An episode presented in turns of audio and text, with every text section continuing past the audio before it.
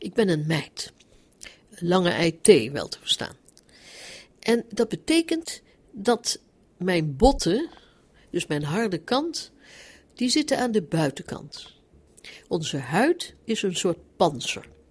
En binnenin die huid, daar zit alles wat onze begeleiders, de mensen, ook hebben. Daar zitten spieren, er zit een hart, er zit een enorm maag-darmkanaal natuurlijk. En daar zitten dus aan het begin, in de voorzijde hebben wij hulpmiddelen om ons voedsel naar binnen te halen. Hè, want het mens verliest, de begeleidende mens verliest per dag zo'n 1 tot 1,5 gram huidschilfertjes. Verder kunnen we ook zien of het donker of licht is. Vandaar dat we alleen als het donker is en als het veilig is, uit onze holen komen.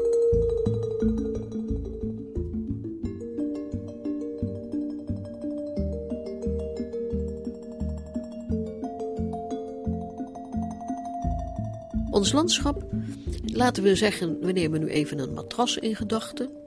Daar zitten we onder andere in. En laten we zeggen dat we een schuimrubbermatras nemen. Nou, de zoals u weet, heeft allemaal kleine celletjes.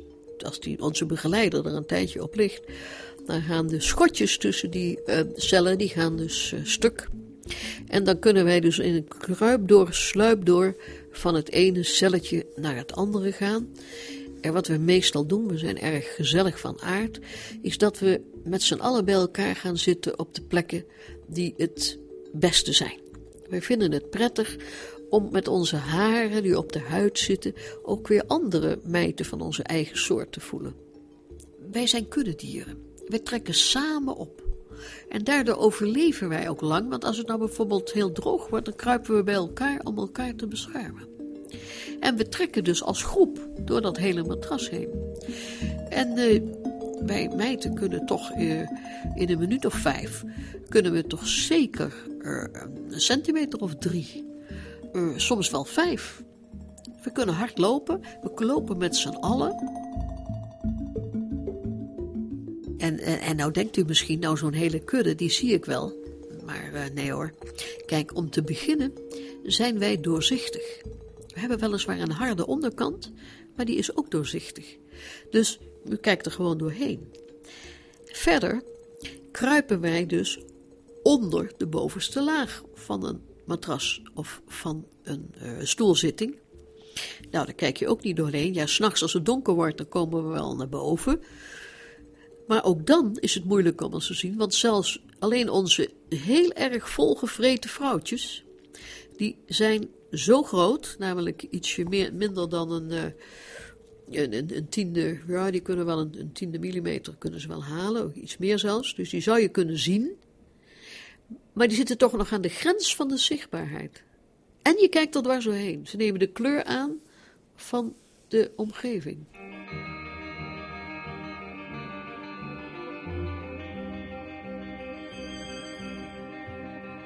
Zolang wij in dat matras blijven, of zolang wij in bijvoorbeeld de vulling van de makkelijke bank blijven, hè, waar onze begeleider, de mens, naar televisie kijkt, is er niets aan de hand.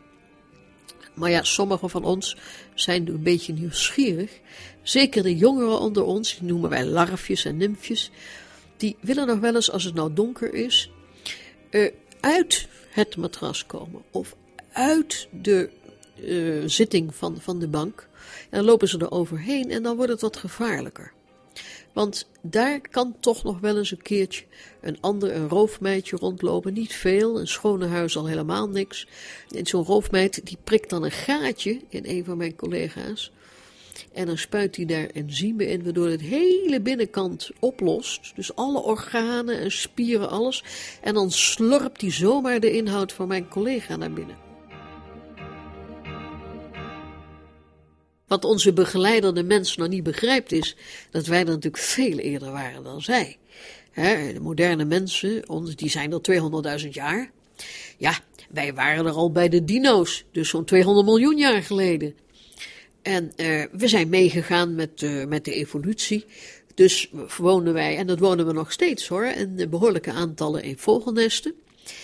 En, en, en een klein beetje ook wel in uh, bijvoorbeeld holen van zoogdieren. Ja, en op een bepaald moment zijn onze tegenwoordige begeleiders, de mensen, die zijn ook nesten gaan maken. Ze noemden ze huizen. En, en ja, dat was een veel groter oppervlak. Maar het was vrij vochtig in die eerste huizen. En dat betekende dat er ook veel schimmel ging groeien. Ja, en daar kwamen de zogenaamde schimmelvretende mijten vanaf, op af.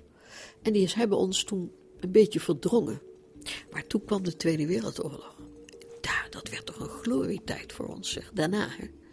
Want na de Tweede Wereldoorlog zag je dat heel veel natuurlijke materialen die zo lekker konden schimmelen, of ja, voor ons niet zo lekker natuurlijk, dat veel van die natuurlijke materialen werden vervangen door plastics.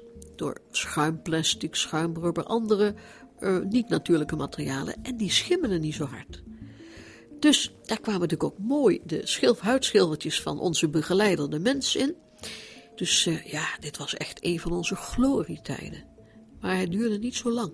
Want uh, toen kreeg je dus een uh, energiecrisis. En na die energiecrisis moest er, kreeg je kierjacht. Alle kieren in huis werden dichtgeplakt. En dat betekende dat dus de hoeveelheid vocht die, uh, die onze begeleiders uh, produceren, met z'n vieren in, zo'n 12 liter per dag, dat daar een groot deel van in huis bleef. En het werd ze nu dan zo vochtig dat daar weer schimmelvreteltjes konden gaan wonen. Die gingen weer grazen. Ja, en die verdrukken ons natuurlijk. Ja, en voor de toekomst, ja, het ligt er maar aan, hè. Want ja, we kunnen er verder ook niks aan doen. Maar het is toevallig zo dat er stofjes in onze poep zitten waar mensen astma van kunnen krijgen en andere allergische aandoeningen. En dat is soms een reden dat ze ons willen uitmoorden. Maar op dit moment valt dat nog wel mee hoor.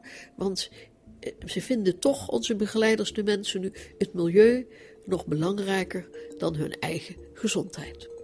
Eigenlijk hoop ik maar dat de mens gewoon ons laat, eigenlijk van ons gaat genieten.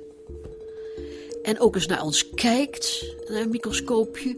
En, en ons niet, niet alleen maar dus aan het verketteren is, maar eens wat meer van ons gaat houden. Kom toch eens kijken. Pak er kijk eens in dat matras. Zet er eens een microscoop op. Geniet van ons leven.